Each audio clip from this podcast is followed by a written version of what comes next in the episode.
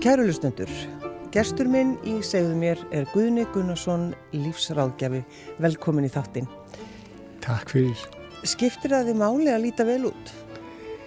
Það skiptir mér mestu máli að líta vel út sem sál. Það er að segja að líta vel út úr, úr minni tilvist.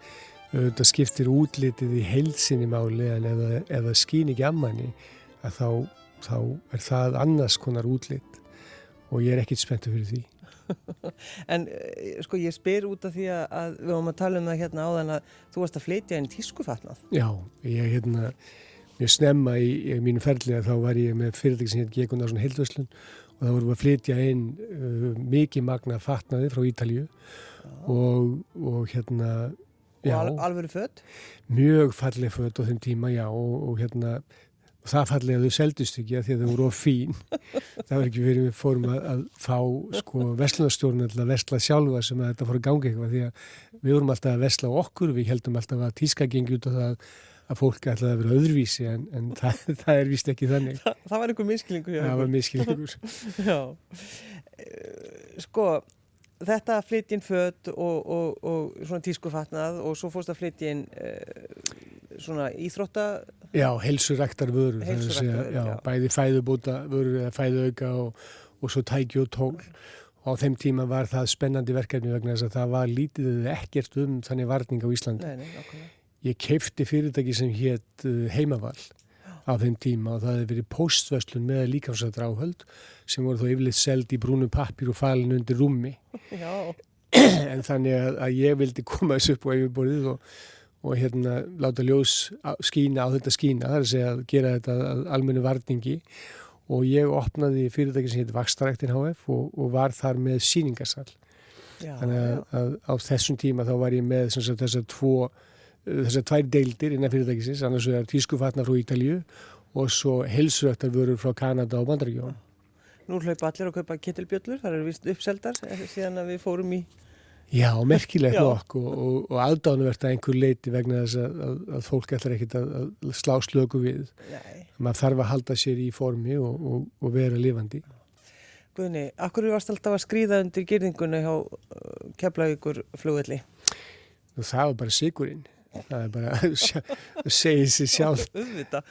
Spyr ég. sukulaði og MM kúlur og svo setna bjór og það var ímislegt sem að, að, að hérna að. Og hvað, skriðið undir eða yfir, hvernig, Það var bara, það var, fór eftir, eftir veður og vindum það var, eða, eða hvort það var búið, eða hvort þú voru búin að gera gat undir gýringuna eða, eða, eða hvernig á því stóða.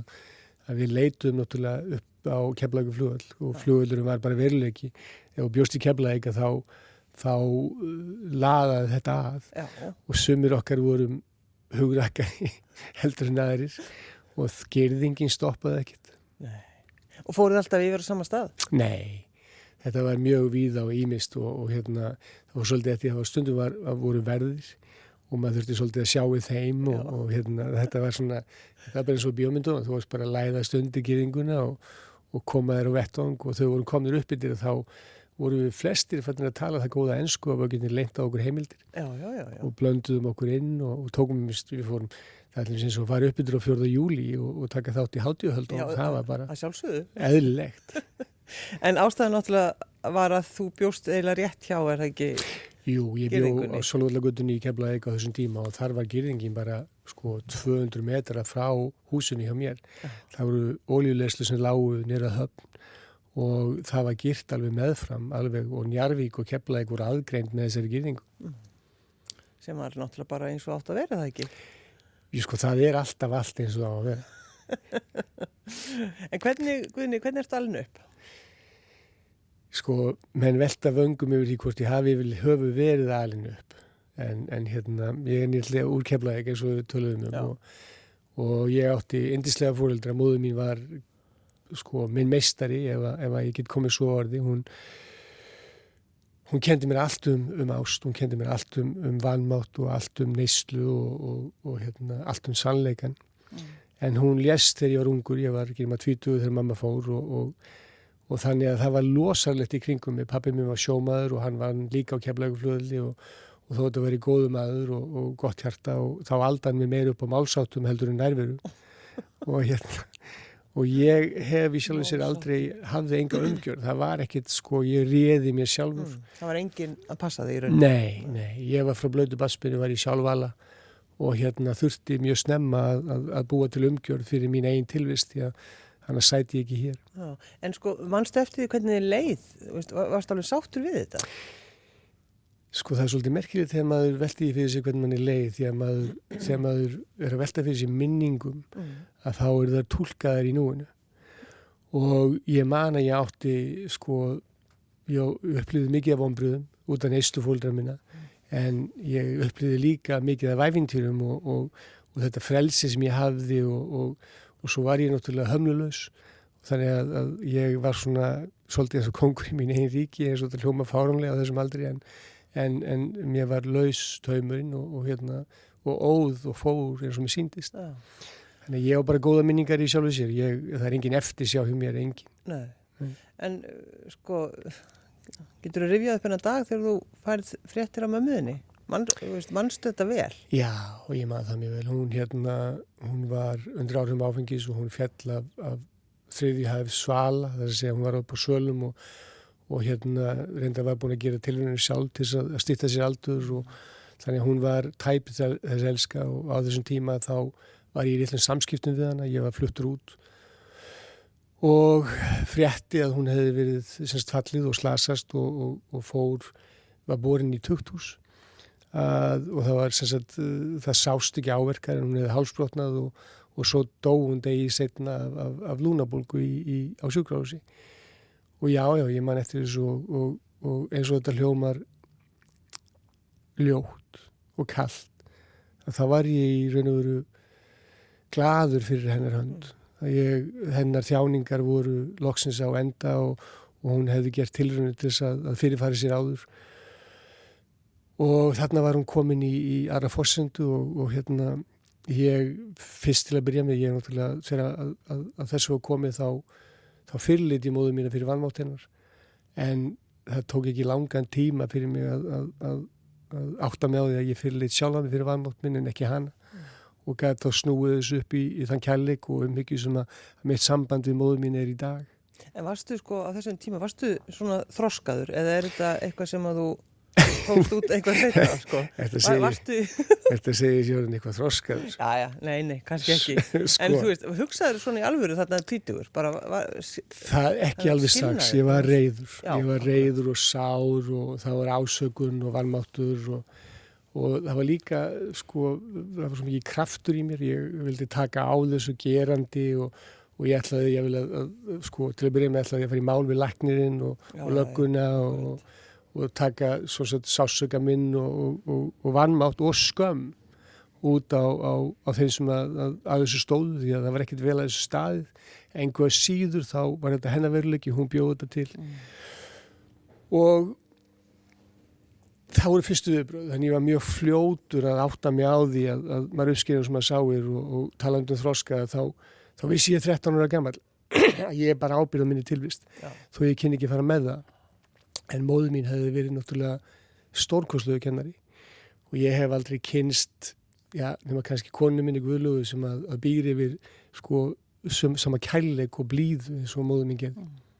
að Þú nefndir einmitt Guðni sko ástina. Og hún hefði kent þér allt um ástina og mammaði Já, móðu mín hún, hún var ef, ef, ef, ef ég hef upplifað þar sem við köllum sko ást, áhengjulöðs ást að þá, þá sá ég það fyrst í móðu minni. Mm. og hún í sjálfu sér hún gaf mér allt sem hún átti allt sem hún átti á öllum vikstöðum saman hvort það var valmátturinn eða mátturinn.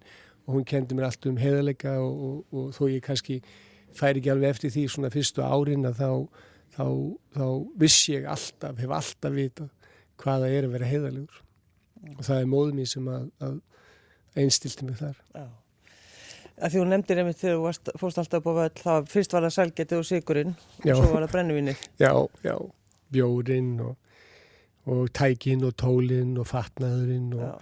þetta var svona svolítið góðsennland fyrir okkur við höfum aðgangað að, að nánast öllu þannig að það var ævintýri Byrjaði að snemma að drekka þá? Hvernig? Já, ég byrjaði að smakka það því ég var 13 13 ára gammal Og hvað, fórstu ítla með það?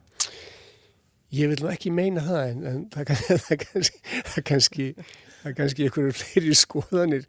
Graður er sikkert eitthvað annað. Ég var svo hrættur við áfengi og, og, og hérna þannig almátt sem ég fylgdi að því ég, ég alin upp í, í þessu sískinni móðu mína voru veik líka.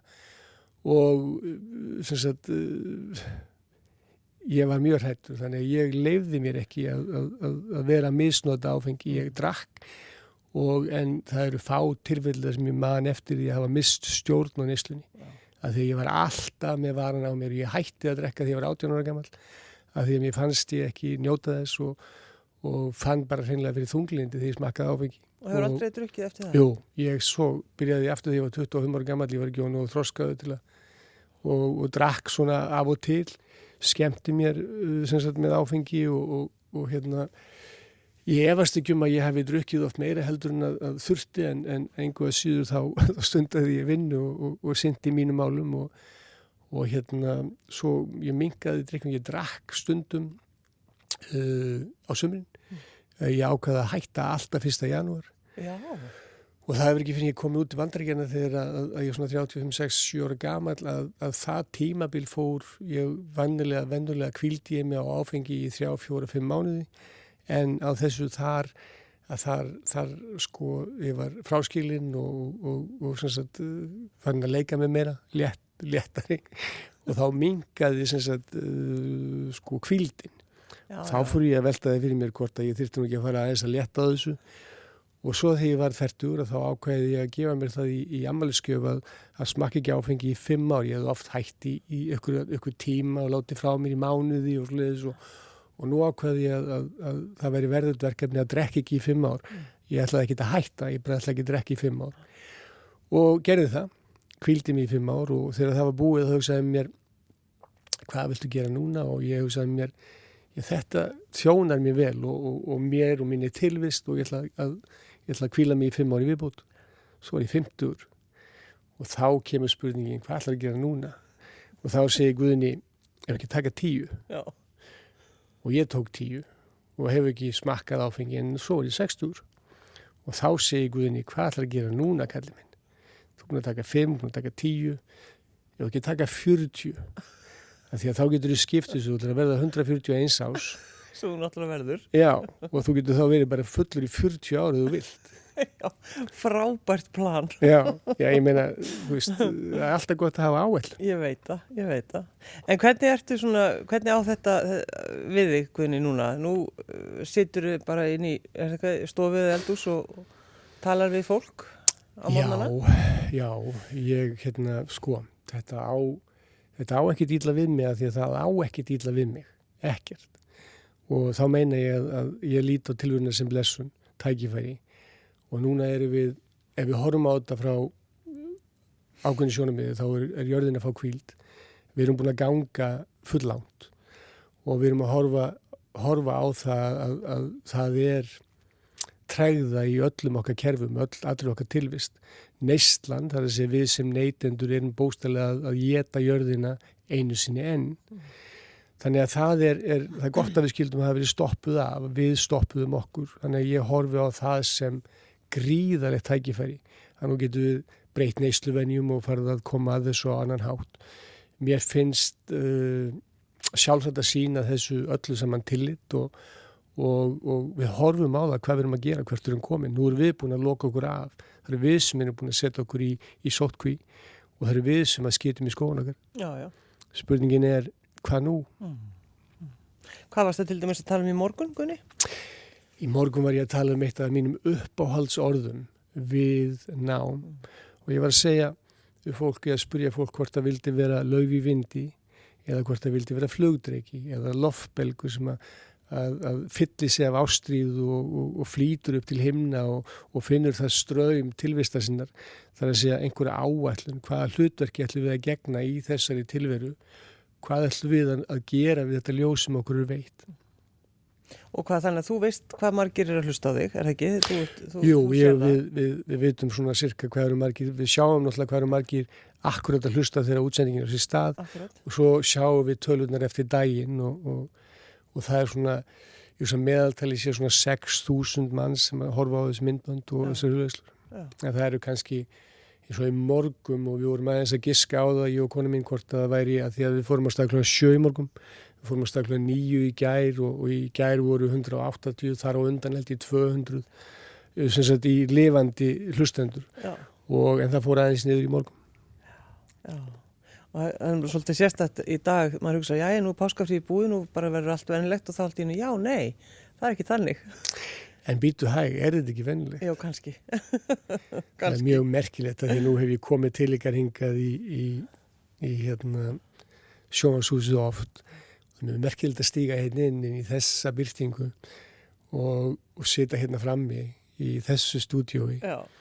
En er, ekki, er þetta ekki nú, skilur, hérna eru við og, og hérna við getum veitt þessu viðnám eða við getum tekið þessu sem tækifær og blessum mm.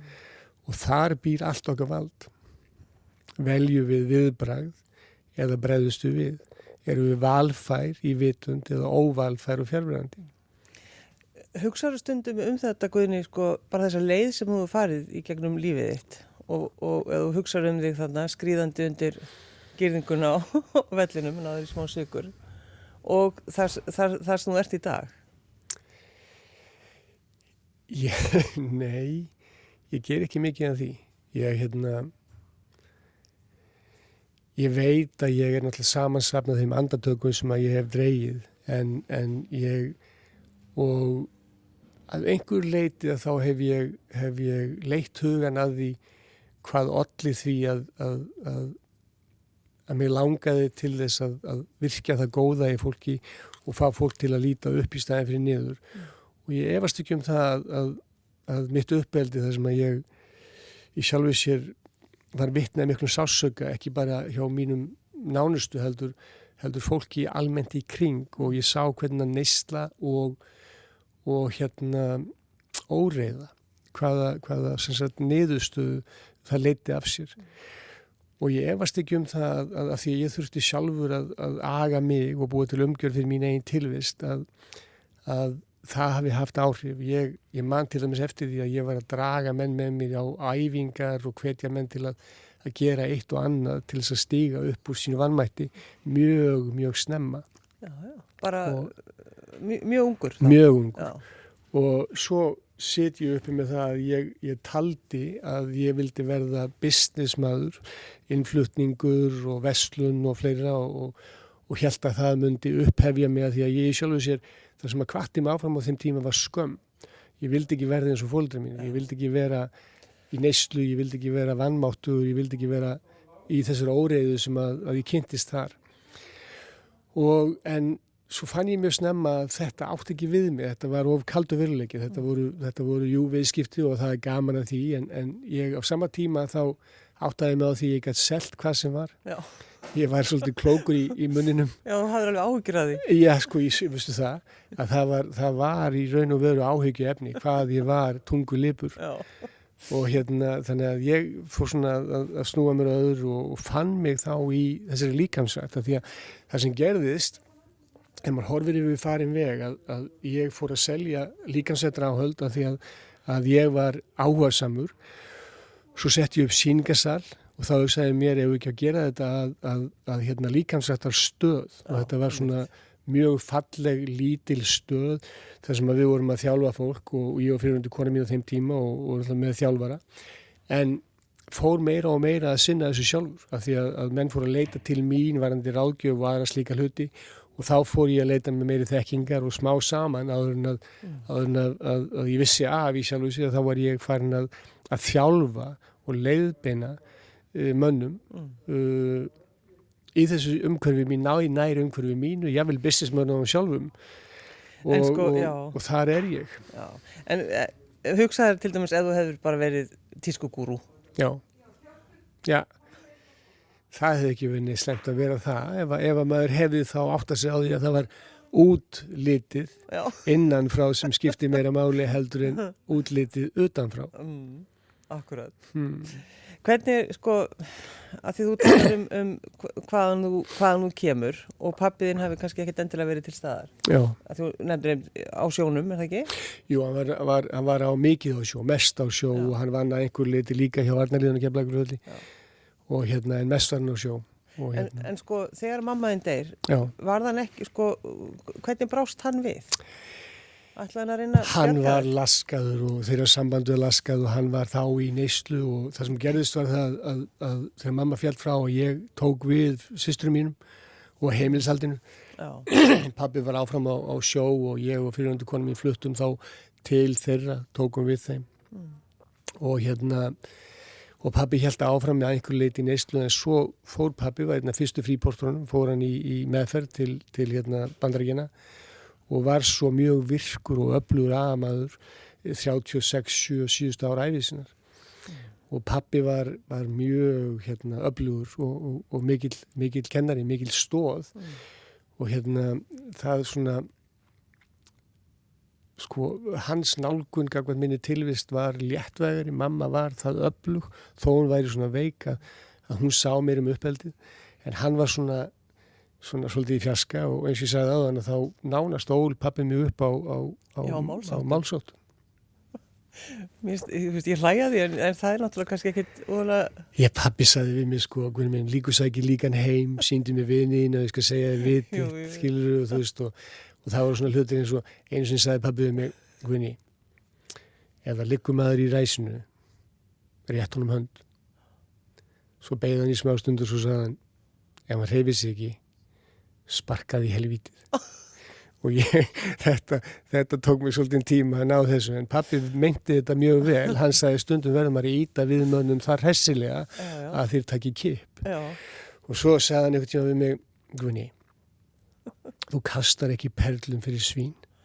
Og mér fannst þetta alveg stórmerkilegt það tók mér svolítið tíma að ná utan um það. En svo fattæði ég það einhvern tíman að svín borði ekki perlur þetta var ekkert miklu flóknari heldur en það. Það var bara að tala um það að, að, að þegar maður væri að, að leggja sko að gefa af sér eða gefa fólki þá er það maður svolítið að horfa á það hvaða væri hver væri þörfin. En sko þegar, Gunni, þegar þú talar við fólk þá kannski talar ekki málsáttum en þú ert að segja einhverju svona setningar. Já, já, ég Þannig að þú ert eins og pappiðinn Ég, já, já, ég, ég er það og, og hérna og það er svona maður þarf kannski að, að vera nægilega mikið til staða þannig að þessu setningar verði ekki frasar Já. þetta sé ekki bara málsættir heldur sé maður að höfða til einhvers og, og talin í hlustun mm. en jú, jú, ég er pappi minn og ég er mamma minn og, og ég er sískinni þeirra og ég er sásökinn og ég er gleðin líka Já. sem ég lærði En voru einhver tímabil eftir að mamma þinn dó að þú talaður ekkit við pappaðinn? Varstu nei, rauður? Nei, nei, ég, pappi minn hann, hann hérna Ég hef sem betur fer verið laus við ásaganir í lífinu. Mm. Það hafa komið upp á þegar maður hefur verið í vannmætti og verið að verja sig og, og halda en ég vissi snemma að ef þú bendur einu putta fram að þá eru þrýr tilbaka mm. og allt viðnám og vannmáttur og dómur er í raun og veru afsprengið eða speiklun og þinn eigin tilvist. Ef þú ásagar einhvern annan fyrir það hvernig þið líður eða hver þú ert eða hver þú ert þá ertu fórnalam ja. og það er ekki staða sem ég vil vera í.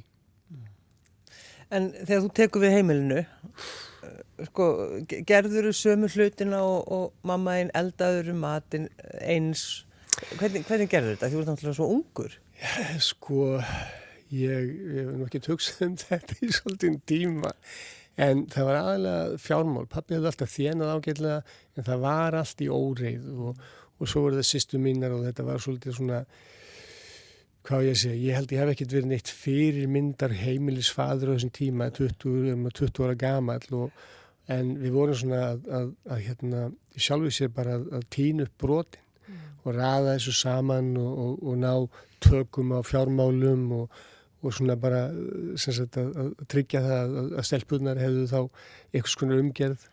Við fengum góða aðstof með það í, í á fjölskyldunni, Jóhanna og Garðar uh, hérna sýstir, sýstir pappa Jóhanna hún tók uh, sýstir mín að sér og aðstóðaði þar mm.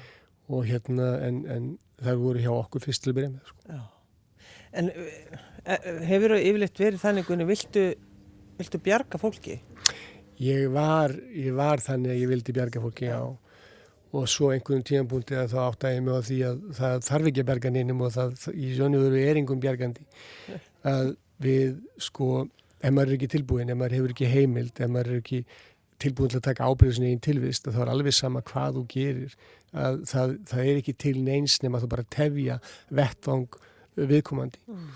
við verðum sjálf að stíga inn í þetta og, og, og það sem ég er búin að gera í talsveit langan tíma það er það ég er búið upp á verkværi ég segi við fólk, ég get ekki bjargaðir ég get ekki læknaðir, ég get ekki gert neitt en ég get hjálpað þér að hjálpa þér og þar, þar ef þú vilt stuðning við það að stígu upp þá, þá, þá er ég til, tilbúin mm. en ég ætla ekki að, að lifta þig eða draga þig eða, eða teima þig og ég segi stundu frá því að þegar ég var úlingur og, og ungu maður og þegar ég byrjaði í þessu, þessu þjónustu að þá ef að gömul kona eða maður hefði byrðið með mig að hjálpa sér við götu það hefði ég borið viðkomandi Já. og þá segir fólk oft vá, þá segir, finnst ykkur það virkilega að ræna þetta fólk sjálfsverðingunni til að uppeða sjálf á mig og ég trú ekki á það að maður eigi að vera aðstóða fólk til að, að, að, að hilmi við sin einn valmátt ef maður getur ekki aðstúðað fólk til aðstúða sér sjálft án áhengju þá er maður ekki komað nálættis En hvernig sko hvernig sérðu næstu árin? Hvað, byrju, hvað er það gammal?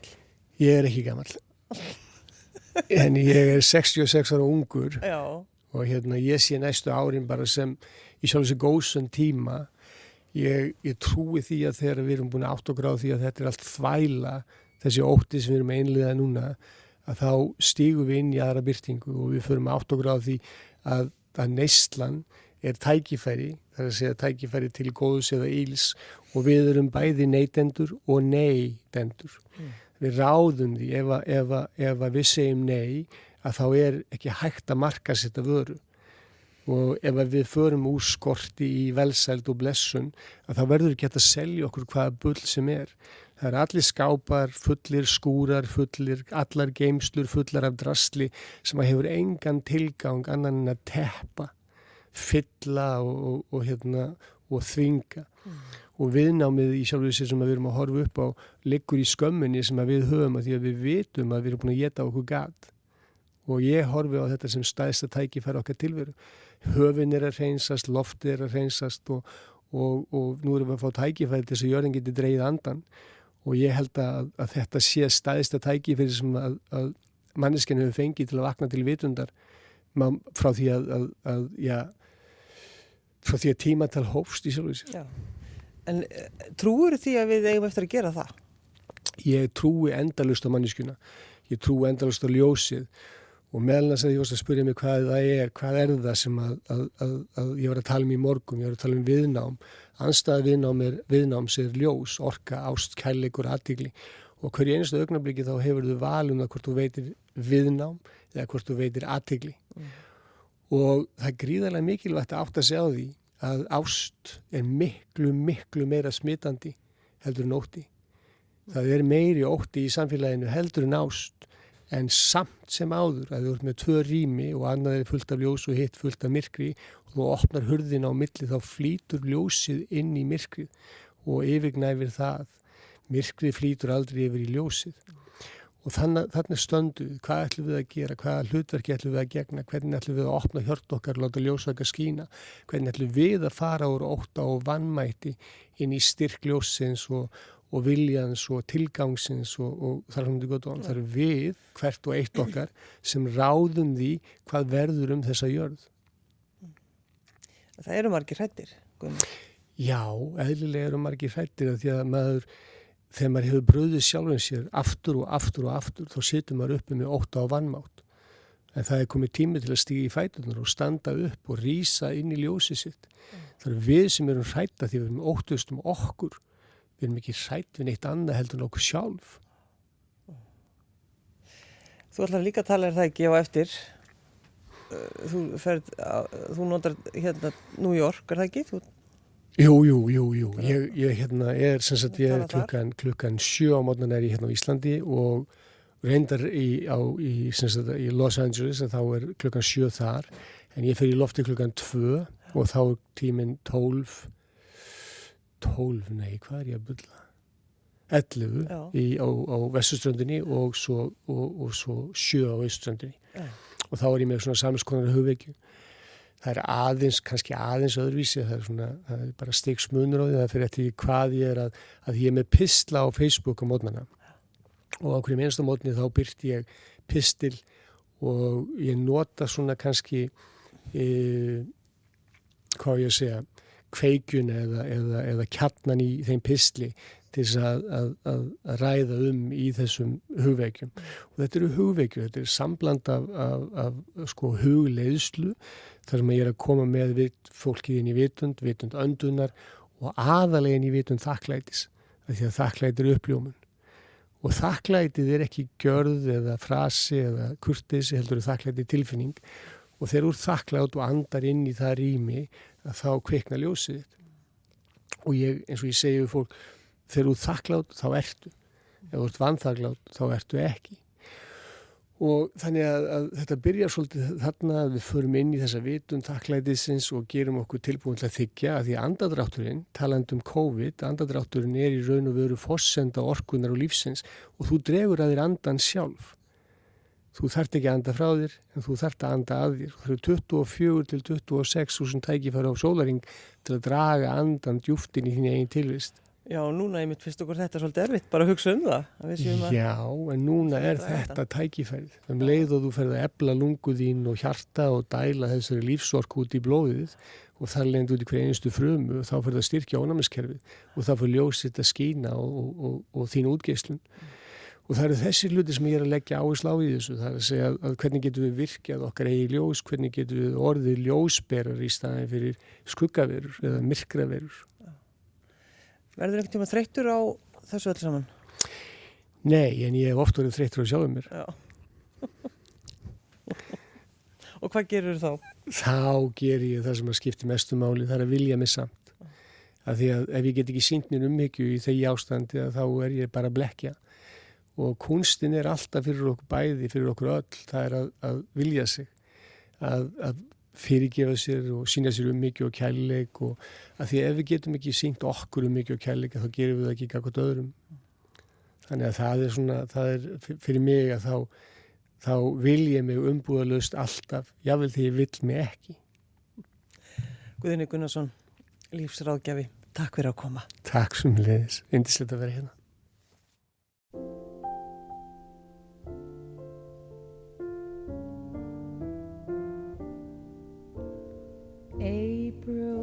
In Paris,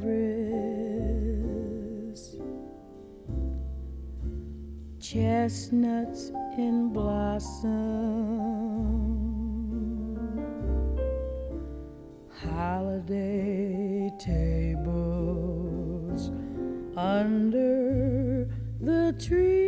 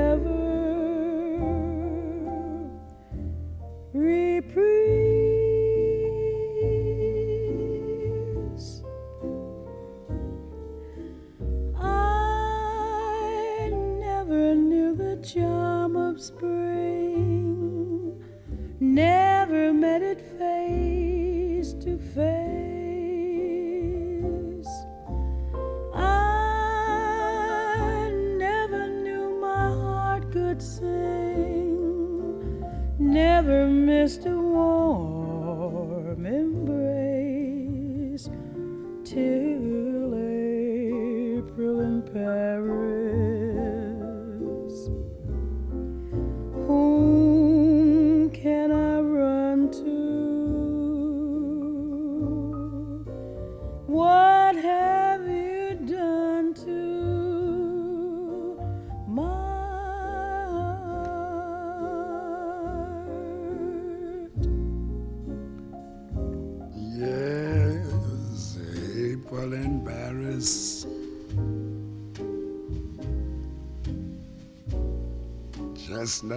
blossom.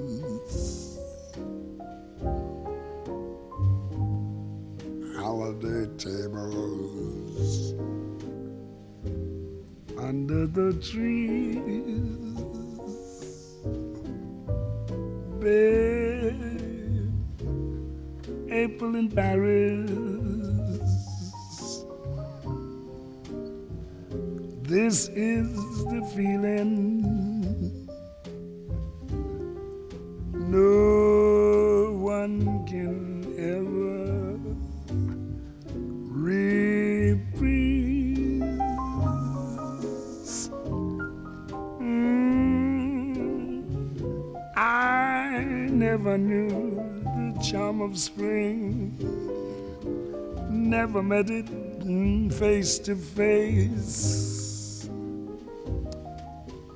I never knew my heart could sing. Never miss it, a warm embrace till April in Paris. Now who can I run to? Oh, what have you done to my